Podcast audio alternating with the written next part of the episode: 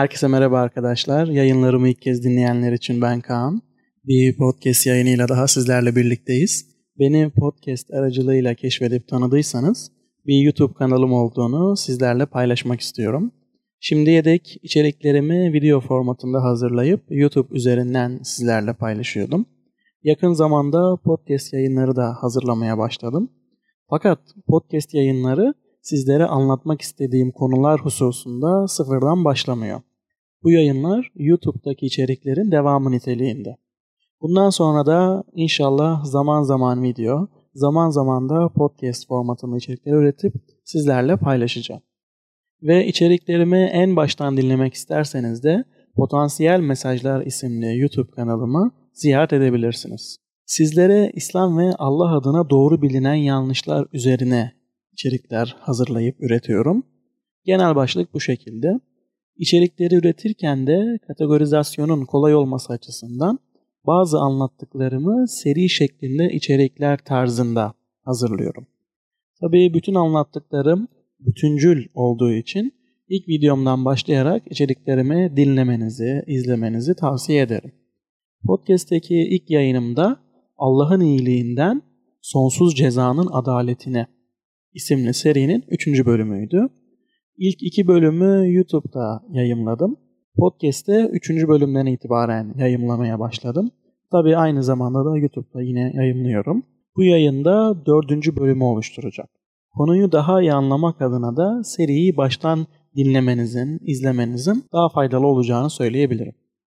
Evet, geçtiğimiz bölümde cennet cehennem yani ahiret sonsuz mudur sorusuna elimden geldiğince cevap vermiştim ve sonsuz olduğunu anlatmıştım. Bu bölümde ise Müslüman olsun veya olmasın pek çok insanın aklına takılan ve kafasını karıştıran hatta bazen Allah'a isyan ve inkara gitmeye sebep olan bir sorunun cevabını vermeye çalışacağım. Sonlu dünyadaki günahlar için sonsuz cehennem adil mi? Evet, bu soruyla günlük hayatta pek çok kez karşılaştım. Özellikle de son zamanlarda sıkça duymaya başladım. Tabi daha evvelden kendim de bu sorunun cevabını aramıştım, düşünmüştüm. Sizler de ateist olabilirsiniz, deist olabilirsiniz, Müslüman, Yahudi, Hristiyan veya başka herhangi bir inanca mensup olabilirsiniz. Bu soruyla mutlaka karşılaşmışsınızdır veya siz düşünmüşsünüzdür diye düşünüyorum. Ben de bu soruya hem mantıken hem de Kur'an ayetleri çerçevesinde en güzel ve en basit şekilde cevaplar vermeye çalışacağım. Ama öncelikle bu soruya geçmeden evvel iki konuyu çok iyi şekilde bilmemiz ve ancak o konuları bildikten sonra bu soruya cevap aramamız gerektiğini düşünüyorum. Nitekim o iki konuyu iyi şekilde kavrayamazsak bu soruya tam bir şekilde cevap bulamayız. Ha, bulsak bile kalbimiz tatmin olmaz. Mutlaka bir eksik yan kalır ve hep bir eksiklik oluşur. Ondan sonra da Allah'a olan inancımızda dahi sorunlar ortaya çıkmaya başlayabilir. Nedir o iki konu? Birincisi cehenneme kimler gidecek? İkincisi ise cehenneme gitmek mi daha kolay yoksa cennete gitmek mi daha kolay? Evet, birinci soruya gelecek olursak insanlar arasında yani insanlar derken Müslümanları kastediyorum. Müslümanlar arasında ne yazık ki şöyle bir görüş hakimdir.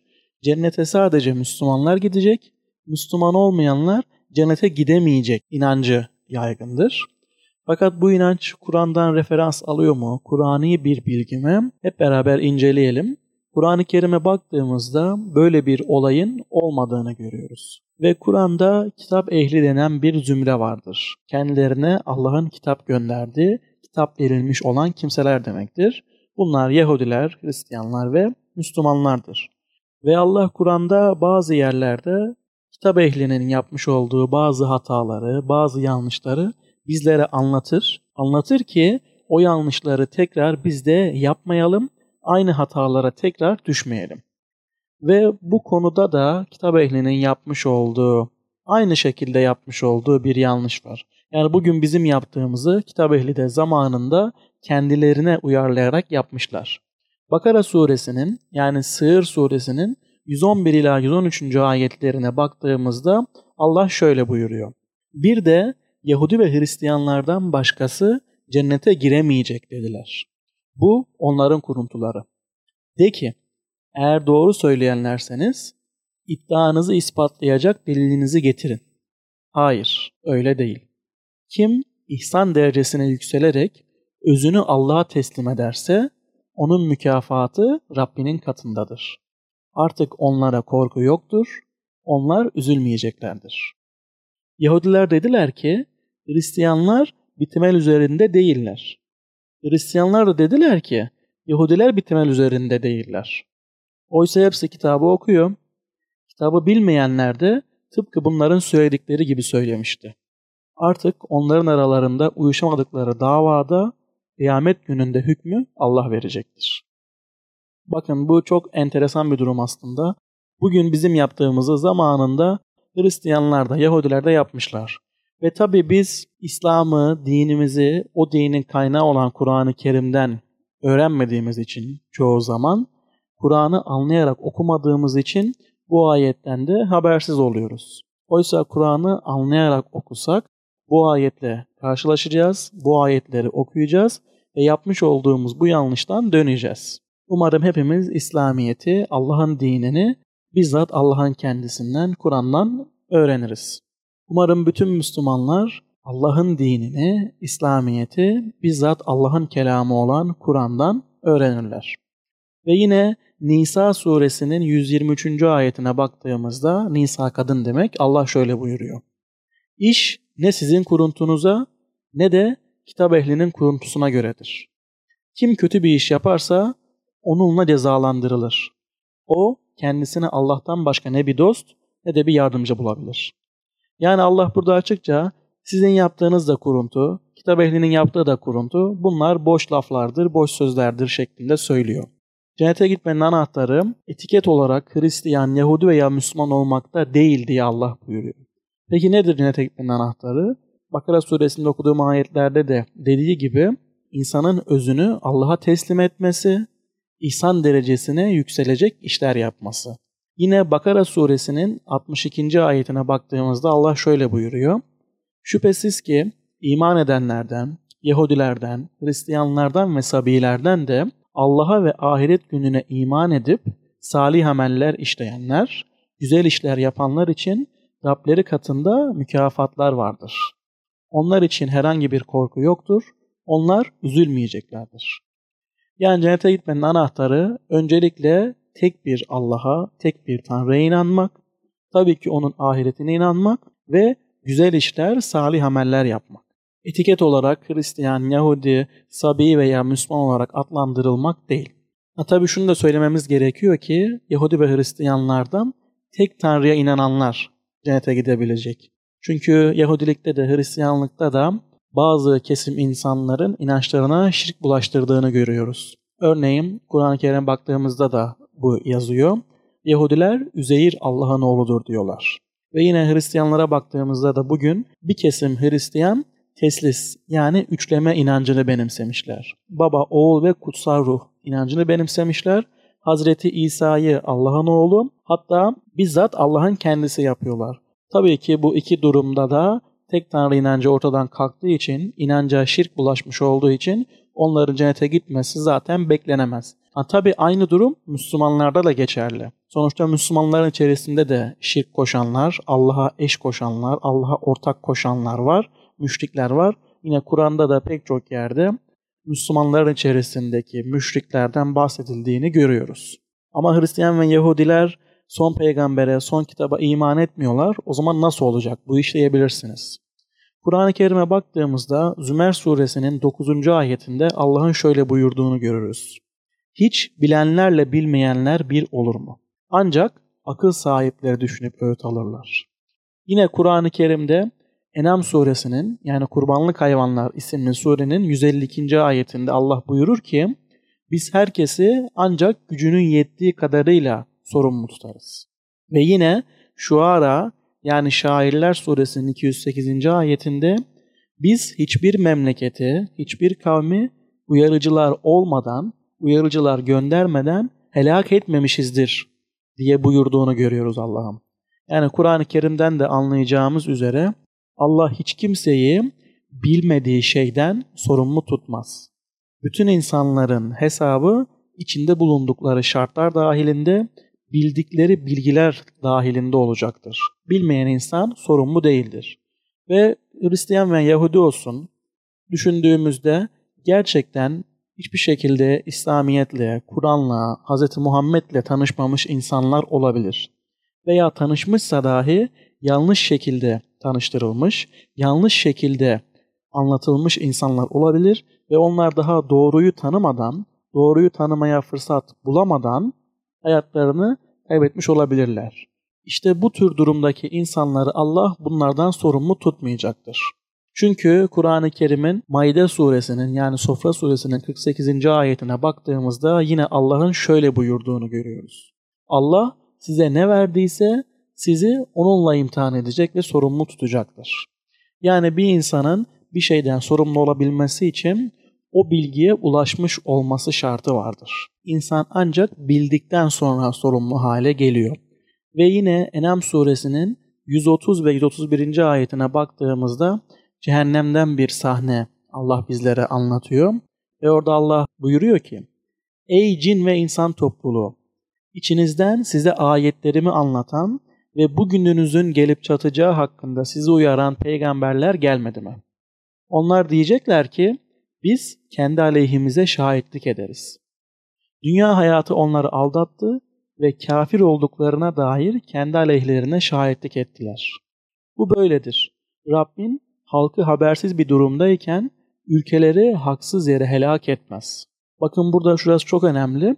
Dünya hayatı onları aldattı ve kafir olduklarına dair kendi aleyhlerine şahitlik ettiler. Kafir kelimesine baktığımızda kafir kelimesi Arapça bir kelime ve kökü kefere. Kefere bir şeyin üzerini örtmek manasına geliyor. Kafir de gerçeğin üzerini örten manasına geliyor. Bir şeyin üzerini örtmek için, bir gerçeğin, bir hakikatin üzerini örtmek için o şeyi bilmeniz gerekir. İnsan bilmediği şeyin üzerini örtemez. Ve buradan da yine anlıyoruz ki bir insanın sorumlu olması için bir şeyi bilmesi, anlaması gerekiyor. Bilmeden hiç kimse sorumlu tutulamıyor. Zaten mantıken düşündüğümüzde de böyle bir durumun Allah'ın adaletine aykırı olduğunu çok rahat şekilde anlayabiliyoruz.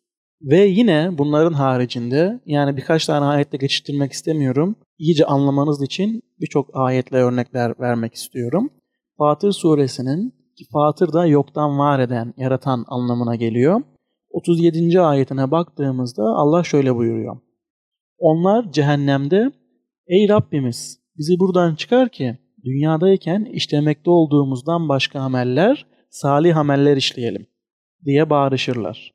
Onlara denir ki sizi düşünüp öğüt alacak kimsenin düşünüp öğüt alabileceği kadar yaşatmadık mı? Size uyarıcı da gelmişti.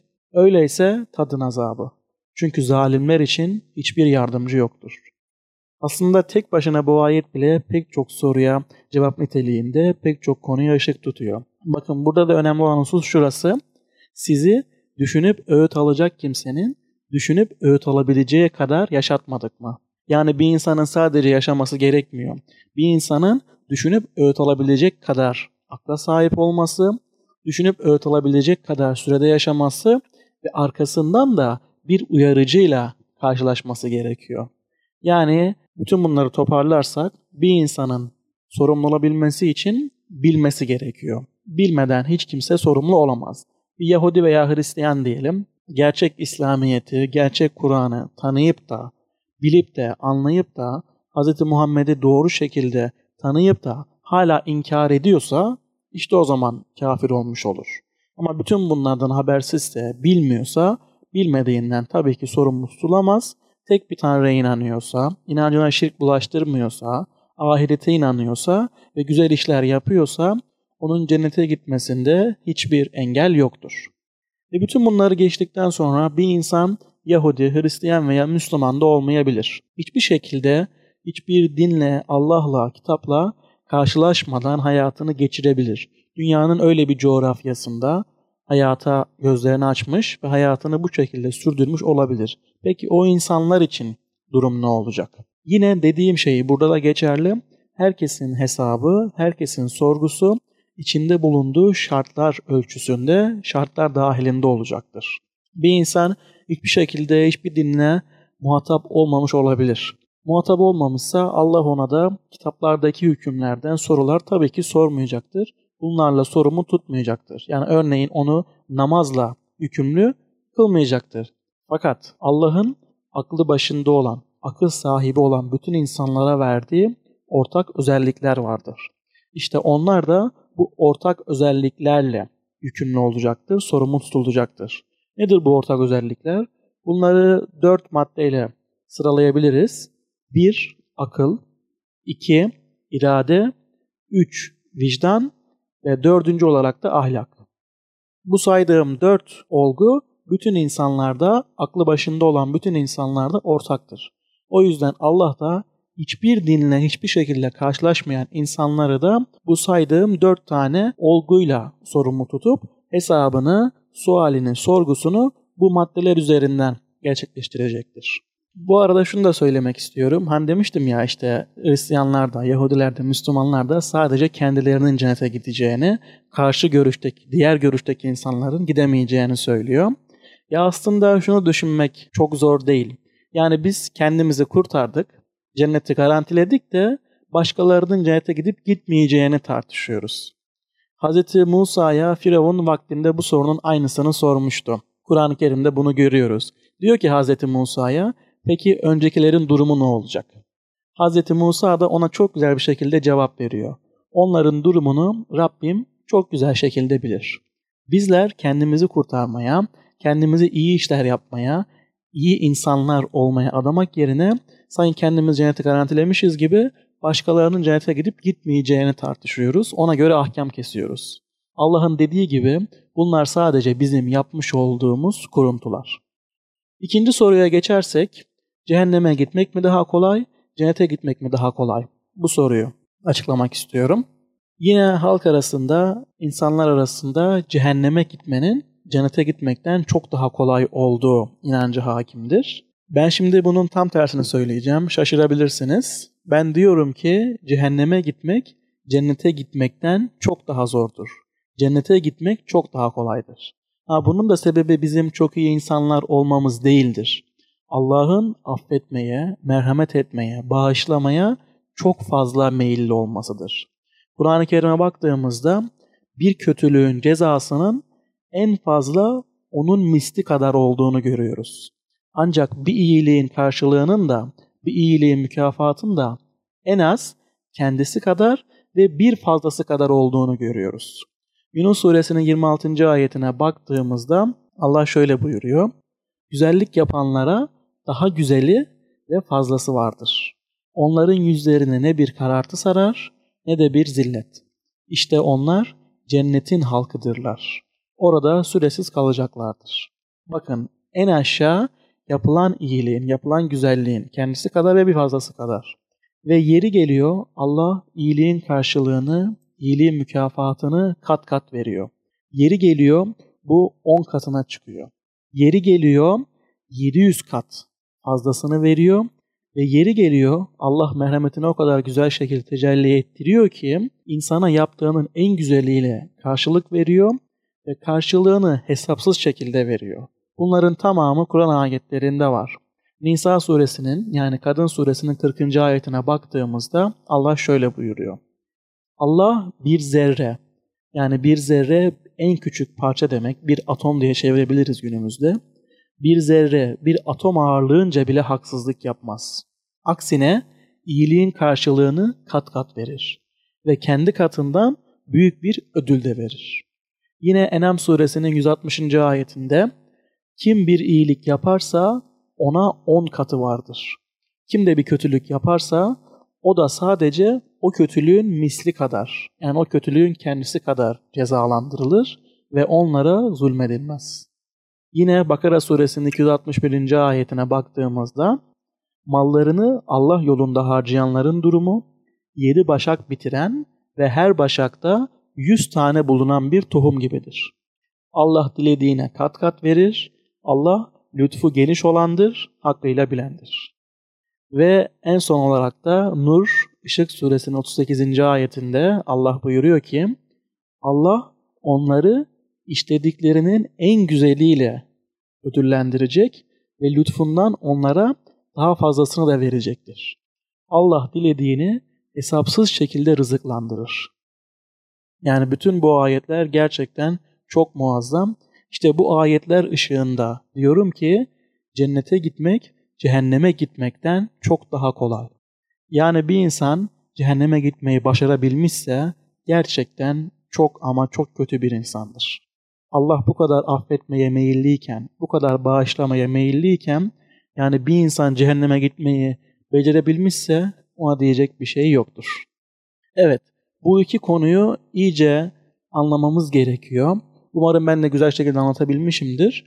Bunları anladıktan sonra yani cehenneme gidecek insanların gerçekten ve gerçekten çok kötü insanlar olduğunu anladıktan sonra sonsuz cehennem adil mi sorusunun cevabına geçebiliriz.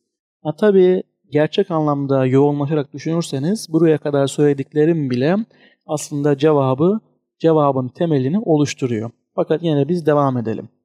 Sonlu dünyadaki günahlar için sonsuz cehennem adil mi? Evet, aslında bu soruyu sormamızda da pek çok soruyu sormamızda yatan sebeple aynı sebep yatıyor. Bizler Allah'ı gerçekten tanımıyoruz. Ve gerçekten tanımadığımız için de bu gibi soruları sorup Allah'ın adil olmadığını düşünüyoruz. Ben ilk baştaki videolarımda da söylemiştim. Bu konunun çok fazla üstünde durmuştum ve hala söylüyorum. Allah'ı tanımanın belki de hatta belki değil kesinlikle en en en önemli konu olduğunu düşünüyorum. Çünkü bizler Allah'ı tanıyamazsak, Allah'ı gerçekten doğru şekilde tanıyamazsak bu uyumadan rüya görmeye çalışmaya benzer. Rüya görmek için ön şart uyumaktır. Uyumadan rüya göremezsiniz. Aynı o şekilde Allah'ı da biz doğru şekilde tanıyamazsak ondan sonraki hiçbir konuyu gerçek anlamıyla kavrayamayız. Kavradığımızı zannettiğimiz konularda bile mutlaka eksiklikler olur. Bizler Allah'ı aşağı bir insan gibi düşünüyoruz. Bu yüzden de yanlış sonuçlara ulaşıyoruz. Allah bütün eksikliklerden münezzeh yani uzak olan bir varlıktır. Ne demek bu? Örneğin zaman ve mekan. Zaman ve mekan bu evrende var olan olgulardır. Bu evrende yaşayan canlılar zamana ve mekana bağlıdır. Fakat Allah bu evreni de yaratmış olduğu için zamana ve mekana bağlı değildir. Allah sonsuz ihtimalin sonsuz varyasyonunu bilir. Yani bizler bir kere dünya hayatı yaşıyoruz, bir kere dünyaya geliyoruz. Fakat Allah'ın bilgisi bizler dünyaya sonsuz sayıda gelsek de o sonsuz hayatı nasıl yaşayacağımızın tamamını kapsayacak şekilde. Yani bizler bir hayat yaşıyoruz, sadece bunu görüyoruz, bunu biliyoruz ama birden fazla kez hayat yaşayacak olsak da nasıl hayatlar yaşayacağımızı Allah gerçekten çok iyi şekilde biliyor gerçekten kötü olan, çok kötü olan bir insanın cehenneme gideceğini, cehenneme gittiğini söylemiştim. Ve bir insan cehenneme gitmişse de bir kez yaşadığı hayattaki yanlışlarla, hatalarla cehenneme gitmişse de bir kez daha yaşayacak olsa, onlarca, yüzlerce, binlerce hatta sonsuz sayıda hayat yaşayacak olsa da yine mutlaka cehenneme gidecek işler yapacaktır. İşte Allah'ın bilgisi bütün bu sonsuz sayıdaki ihtimalin sonsuz varyasyonunu kapsayacak şekildedir. Şimdi demek istediğimi Kur'an'daki ayetlerle çok daha iyi anlayacağınızı düşünüyorum. Baştan başlayalım. Bir insan, kötü bir insan öldüğünde nasıl oluyor, neler söylüyor? Müminun yani Müminler suresinin 99 ve 100. ayetine baktığımızda şöyle buyuruyor Allah. Nihayet onlardan birisine ölüm gelince Rabbim beni dünyaya geri gönderiniz ki terk ettiğim dünyada salih bir amel yapayım der. Hayır. Bu sadece onun söylediği boş bir sözden ibarettir. Yani kötü bir insan öleceği zaman artık iş işten geçtikten sonra tekrar bir şans istiyor. Tekrar beni dünyaya gönder diyor. Ama Allah bunun boş bir sözden ibaret olduğunu, bir yalan olduğunu söylüyor. Yani o kimse yine dünyaya gelecek olsa yine aynı şekilde kötülükleri yapacaktır. Ve yine Enam suresinin 27 ve 28. ayetine baktığımızda şöyle buyuruyor Allah. Ateşin karşısında durdurulup da ah keşke dünyaya geri döndürülsek de Rabbimizin ayetlerini yalanlamasak ve müminlerden olsak dedikleri vakit hallerini bir görsen. Hayır. İşin doğrusu bu yakınmaları daha önce gizlemekte oldukları şeyler onlara göründü de ondan. Eğer çevrilselerdi elbette kendilerine yasaklanan şeylere yine döneceklerdi. Şüphesiz onlar yalancıdırlar. Evet, bu ayetlerle birlikte bu tür insanların yalan söylediğini, aslında tekrar dünyaya gönderilmiş olsalar dahi yine yaptıkları kötü işlere döneceğini görüyoruz. Aslında bu durumu anlamak çok da zor olmasa gerek diye düşünüyorum. Örneğin kendi hayatınızı düşünün. Sevdiğiniz bir insan, sevgiliniz, kardeşiniz, eşiniz, anneniz, babanız veya bir yakınınız size karşı bir hata işliyor. Onu siz affediyorsunuz, çok pişman olduğunu söylüyor. Fakat bir süre sonra aynı hatayı tekrar işliyor. Yine affediyorsunuz. Aynı hatayı tekrar işliyor, yine affediyorsunuz. Kimi insan iki defa şans verir, kimi insan üç defa, dört defa, beş defa, on defa diyelim. Bu kadar şans veren insan olacağını zannetmiyorum ama hadi on defa, yirmi defa şans verildiğini söyleyelim. Yirmi defa şans verdikten sonra 21. defada yine aynı hatayı yaparsa o insan, aynı şekilde aynı hatayı yaparsa ona bir şans daha verir misiniz? Ben hiç aklı başında hiçbir insanın tekrar bir şans vermeyeceğini düşünüyorum. Çünkü artık derseniz ki sen yalancısın, sen samimi değilsin. Ben sana bu kadar kez şans verdim fakat sen yine hala aynı hatayı yapıyorsun. Veya hapisteki bir suçluyu düşünelim.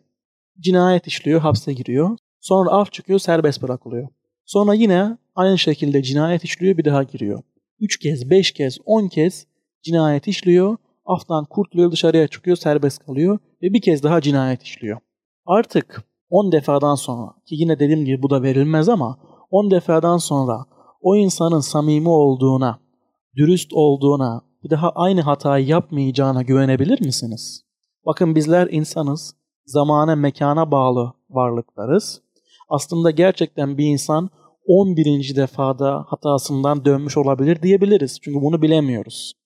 Fakat bizler bu kadar kısıtlı halimizle dahi, zamana bağlı halimizle dahi ihtimallerin hepsini bilmememize rağmen yine 10 defadan sonra, 20 defadan sonra, 50, 100 defadan sonra artık o insana güvenmiyoruz. 50-100 defa diyerek dediğim gibi abartıyorum. Çoğu insan ikinci şansı, hadi ikiye geçelim de üçüncü şansı asla vermez. Ve aslında haklılardır. Çünkü hata bilmeden yapılır ve bir insan bir konuda sadece bir kez hata yapar. İkinci defa aynı şeyi yaptığında o hata olmaktan çıkar, artık yanlış olur ve bile bile yapmış olur. İşte bizler dahi insan halimizle insanların böyle samimiyetsiz olduğunu yaptıkları eylemlerden anlayabiliyorsak Allah'ı düşünelim. Allah dediğim gibi sonsuz ihtimalin sonsuz varyasyonunu bilen varlık. Zamana bağlı olmayan varlık. Bizi dünyaya 10, 20, 100, bin değil sonsuz kere gönderse de o sonsuz hayatımızda ne yapacağımızı bilen varlık. Yani bir insan cehenneme gitmişse de o sonsuz hayat yaşasa da sonsuz defa aynı kötülükleri yapacak olan insan olduğu için cehenneme gidiyor. Ve tabi bununla sınırlı kalmayalım, devam edelim. Bu insanların dünyadaki durumlarına örnekler yine Kur'an'da var. Örneğin bu insanlar hani söylemiştim ya bildikten sonra inkar ediyorlar diye. Bu insanlara her türlü mucize geliyor fakat bunlar yine de inkar ediyorlar. Yunus suresinin 96. ve 97. ayetinde Allah buyuruyor ki Şüphesiz haklarında Rabbinin sözü gerçekleşmiş olanlar kendilerine bütün mucizeler gelse bile elem dolu azabı görünceye kadar inanmazlar. Bakın bir defa değil, birden fazla da değil, bütün mucizeler gelmesine rağmen yine hala inanmıyorlar. Yine Yunus suresinin 33. ayetinde Rabbinin yoldan çıkanlar hakkındaki onlar artık imana gelmezler sözü işte böylece gerçekleşmiştir. Yani onların hiçbir şekilde imana gelmeyeceğini görüyoruz. Ve yine Araf suresinin 146. ayetinde Allah şöyle buyuruyor. Yeryüzünde haksız yere büyüklenenleri ayetlerimden yani mucizelerimden çevireceğim. Onlar her türlü mucizeyi görseler de yine de inanmazlar. Doğru yolu görseler onu yol edinmezler. Ama azgınlık yolunu görseler onu yol edinirler. Zira onlar ayetlerimizi yalanladılar ve aldırış etmediler. Ve yine 101. ayetine baktığımız Araf suresinin İşte memleketler. Onların haberlerinden bir kısmını sana anlatıyoruz. Andolsun peygamberleri onlara apaçık delilleri getirmişti. Fakat onlar daha önce yalanladıklarına inanacak değillerdi. Allah kafirlerin kalplerini işte böyle mühürler. Yani Allah'ın insanların kalplerini mühürlemesinin de rastgele olmadığını, haşa gelişi güzel olmadığını, o insanların kendileri istediği için olduğunu görüyoruz. Çünkü onlar bile bile gerçeği inkar ediyorlar. Ve bu konuda aslında çok daha somut bir örnek anlatılıyor Kur'an'da. Firavun taraftarlarının durumu, Firavun ve onun taraftarlarının durumu. Firavun'a Allah iki tane peygamberini gönderiyor. Orada mucizeler gösteriyor. Fakat hala inanmıyorlar ve Allah onlara birçok mucize daha gösteriyor. Başlarına felaketler getiriyor. Araf suresinin 132. ayetine baktığımızda onların şöyle söylediğini görüyoruz. Bizi büyülemek için ne kadar mucize getirirsen getir, biz sana inanacak değiliz. Bakın bunları direkt kendiler söylüyorlar. Yani istediğin kadar getir, ben yine de sana inanmam şeklinde söylüyorlar. Ve tabi devamında şöyle bir şey oluyor. Üzerlerine azap çökünce, ey Musa, Rabbinin sana verdiği söz uyarınca bizim için dua et. Eğer azabı üzerimizden kaldırırsan mutlaka sana inanacağız.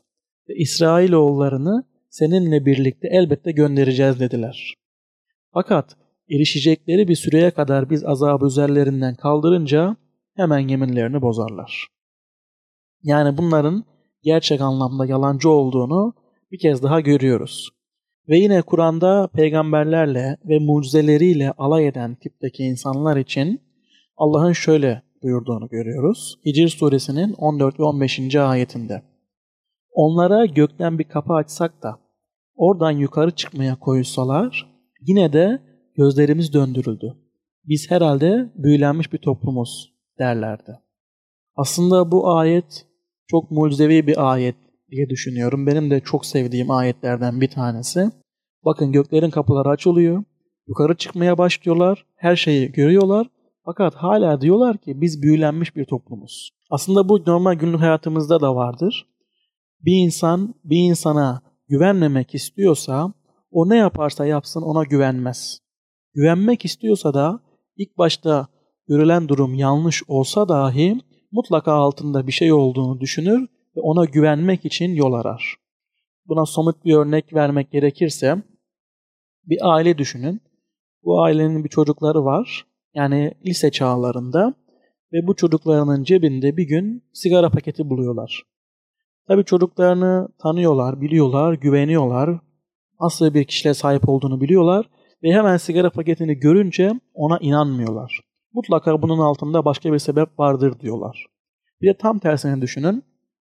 Yani güvenmek istemeyen, güvenmemeye meyilli olan bir ebeveyn. O çocuk çok iyi olsa dahi, çocuğun ne kadar iyi olduğunu bilse dahi o da sigara paketini görmeden bile hemen durumdan şüphelenir. Kesin sen kötü işler yapıyorsun. Kesin sen sigara içiyorsun. Şöyle yapıyorsun, böyle yapıyorsun diye çocuğun üstüne gidip suçlayacaktır. Bu örnekleri çoğaltmak mümkün. Örneğin çok bilinen bir örnekten yine bahsetmek istiyorum bu konuda. Filmlerde de çokça kullanılır, çokça gösterilir. Bir evli çift olur. Erkeğin gömleğinde veya ceketinde bir yerinde bir saç teli veya bir ruj lekesi görür kadın. Fakat eşine güveniyorsa, eşini biliyorsa, eşine inanıyorsa bunda bir yanlışlık olduğunun farkına varır ve o duruma hemen inanmaz, sorgular. Ancak eğer zaten güven duymayan birisi ise, hiç güvenmiyorsa, yolda giderken bir tane kadınla konuşuyorsa bile hemen onun aldattığını düşünür. Tabii ki bu durum tam tersi de olabilir. Yani kadın erkek fark etmez. Bunu da daha somut bir örnek olması adına verdim. Teşbihte hata olmaz. Yani şunu demek istiyorum. İnanmayacak olana asla inandıramazsınız. İnanmak isteyene, inanmaya meyilli olana ufacık bir kanıt dahi yeter. Hatta ben nacizane bu ayetten ilham alarak bir söz yazmıştım. Onu da sizlerle paylaşmak istiyorum. İnanç tohumu başlığı altında bir söz yazmıştım. Demiştim ki, inanacak olan ufacık tohumda bile görür ormanı. İnanmayacak olansa, olsa tohumun kendisi, geçse yıllar üstünden, türese kendinden ormanlar, yine de kavrayamaz o ormanlardaki tek bir yaprağın manasını. Yani gerçekten aslında biraz düşündüğümüzde bu ayetin çok geniş şekilde cevap verdiğini anlamış oluyoruz. Ve bütün bunların arkasından bütün dünyanın bildiği, her şeye rağmen inkara ve isyana en güzel örnek diyebileceğim kişiden bahsetmek istiyorum, varlıktan bahsetmek istiyorum. Bizzat şeytanın ta kendisi. Şeytana baktığımızda Allah'la konuşuyor, diyaloğa giriyor. Allah'ın varlığından hiçbir şüphesi yok. Allah'a Rabbim diyor. Yani Allah'ın varlığına dair hiçbir şüphe içerisinde barındırmıyor. Hatta bazen espri yapılır ya şeytan bile ateist değildir diye. Doğru, şeytan bile ateist değil çünkü Allah'a Rabbim diyor. Ve yine de Allah'ın varlığına tanık olması, Allah'ın varlığını bilmesi, Allah'ın bütün alemleri yaratan varlık olduğunu bilmesi, Allah'ın gücünü, kudretini bilmesi, yapmış olduğu yanlışı yapmasına ve bu yanlışta ısrarcı olmasına engel olamıyor. İbrahim suresinin 22. ayetine baktığımızda kıyametten bir sahnenin anlatıldığını görüyoruz. Orada Allah şöyle bizlere buyuruyor. İş bitirildiği zaman şeytan da diyecek ki, şüphesiz Allah size gerçek olanı söz verdi. Ben de size söz verdim ama yalancı çıktım. Zaten benim sizi zorlayacak bir gücüm de yoktu. Ben sadece sizi çağırdım, siz de hemen bana geliverdiniz. O halde beni kınamayın, kendinizi kınayın. Artık ben sizi kurtaramam, siz de beni kurtaramazsınız. Şüphesiz ben daha önce sizin beni Allah'a ortak koşmanızı kabul etmemiştim. Şüphesiz zalimlere elem dolu bir azap vardır. Bakın bu ayet yine gerçekten çok muazzam. Bu ayet birebir şeytanın sözlerini anlatıyor. Kıyamette olacak olan bir olayı film sahnesi gibi bizlere Allah burada anlatıyor. Ve şeytan şu anda hala görevde, hala kendisine izin verilmiş olduğu için yaşıyor görevde. Bu ayeti şu anda duyuyor. Bu ayetin varlığından haberdar. Yine Kur'an'da şeytanın cehennemlik olduğu yazıyor. Şeytan bunun da farkında. Hala Allah'ın varlığının farkında. Rabbim diye hitap ediyor. Rabbi olduğunu çok iyi şekilde biliyor. Fakat bütün bunlara rağmen hala ve hala yaptığı yanlıştan geri dönmüyor. Yani bile bile gerçeğin üzerine örtüyor, bile bile her şeye rağmen inkarını devam ediyor, kafir olmuş oluyor. İşte her şeye rağmen inkara ve isyana da en güzel örnek bence şeytan. Evet, bütün bunlar ışığında sonlu dünyadaki hatalar için sonsuz cehennemin adil olduğunu, aslında insanların sonsuz hayatı olsa da yine sonsuz sayıda kez cehenneme gidecek işler yapacaklarını Kur'an-ı Kerim'den anladığımızı sizlere anlatmaya çalıştım. Ve sizlerin de aslında hem mantıken düşündüğünüzde hem de bu ayetler üzerine düşündüğünüzde bu konuyu anlayacağınızı, çok güzel şekilde kavrayacağınızı ve ortada bir adaletsizlik, bir zulüm olmadığını göreceğinizi düşünüyorum. Ve tabii şunu da belirtmek gerekiyor. Nasıl ki cehenneme gitmeyi başarabilmiş, parantez içinde ünlem söylüyorum burada, başarabilmişten sonra parantez içerisinde bir ünlem var. Cehenneme gitmeyi başarabilmiş insanlar sonsuz hayatları olsa da yine cehenneme gidecek işler yapacaklarsa aynı şekilde cennete gitmeyi gerçekten başarabilmiş, bu mükafatı almaya hak kazanmış insanlar da sonsuz hayatları olduğu takdirde yine o sonsuz hayatlarında cennete gidecek güzel işler yapacak olan insanlardır. Yani bunu da düşünmenizi ben arzuluyorum. Ve son bir şeyden daha bahsetmek istiyorum. Yine Müslümanlar arasında günahı olan Müslümanların bir süre cehennemde cezasını çekeceği, cezasını çektikten sonra cennete gideceği tarzında bir inanış hakimdir. Kur'an-ı Kerim'e baktığımızda böyle bir şey yazmaz. Cennet içinde, cehennem içinde Allah ebedi kavramlarını kullanır. Zaten bir önceki bölümde de söylemiştim. İkisine de giriş vardır ve oralardan çıkış yoktur şeklinde beyan edilir. Allah bunları bizlere buyurur. Sadece tek bir yerde Hud suresinin 106 ila 108. ayetlerinde istisnai olarak Allah şöyle buyurur. Mutsuz olanlara gelince onlar cehennemdedirler. Onların orada şiddetli bir soluyuşları vardır. Onlar gökler ve yer durdukça orada ebedi olarak kalacaklardır. Ancak Rabbinin dilemesi başka. Şüphesiz Rabbin istediğini yapandır. Mutlu olanlara gelince gökler ve yer durdukça içinde ebedi kalmak üzere cennettedirler. Ancak Rabbinin dilemesi başka, bu onlara ardı kesilmez bir lütuf olarak verilmiştir. Zaten bu ayetlerden de aslında anlayacağınız üzere Allah'ın her şeye güç getireceğini belirtmek için Allah bu ayetleri bizlere gönderiyor. Yani cennette, cehennemde sonsuzdur. Cennetten cehenneme veya cehennemden cennete geçiş şeklinde bir olay yoktur. Evet, bu bölümde de bu sorulara elimden geldiğince cevaplar vermeye çalıştım. Umarım güzel şekilde anlatabilmişimdir. Umarım güzel şekilde sizler de anlayabilmişsinizdir ve faydalı olur. Görüşleriniz varsa görüşlerinizi, varsa da sorularınızı gerek yorumlar kısmından, gerek sosyal medya hesaplarından bana ulaştırabilirsiniz. Bu arada sizlerle bir sevincimi daha paylaşmak istiyorum. Yakın zamanda kendi internet sitemi de kurdum çok şükür. www.suleymankaansirin.com adresinden bana ulaşabilirsiniz. İnternet sitemde de YouTube videolarımı paylaşıyorum. Ve YouTube videolarımı doğaçlama çektiğim için bir metin hali yok. Ve onları da metin haline dönüştürüp en baştan sırasıyla metin haline dönüştürüp orada paylaşıyorum. Ve YouTube'daki videolarımı da yabancı dilleri de çevirmeye başladım. Yaklaşık 20 dile çeviriyorum. Sırayla zamanla yavaş yavaş hepsine yapacağım inşallah. Böylelikle daha fazla insana ulaşabileceğimizi düşünüyorum. Ve internet sitemde yazmış olduğum makaleleri, yazıları, şiirleri, çekmiş olduğum fotoğrafları ve diğer yaptığım işleri paylaşıyorum. Paylaşmaya başladım. Umarım internet sitemi de beğenirsiniz. Kanalıma abone olursanız çok memnun olurum. Unutmayın evrendeki her karede potansiyel mesajlar gizli. Ancak görmek için bakarsan görürsün en derindekini.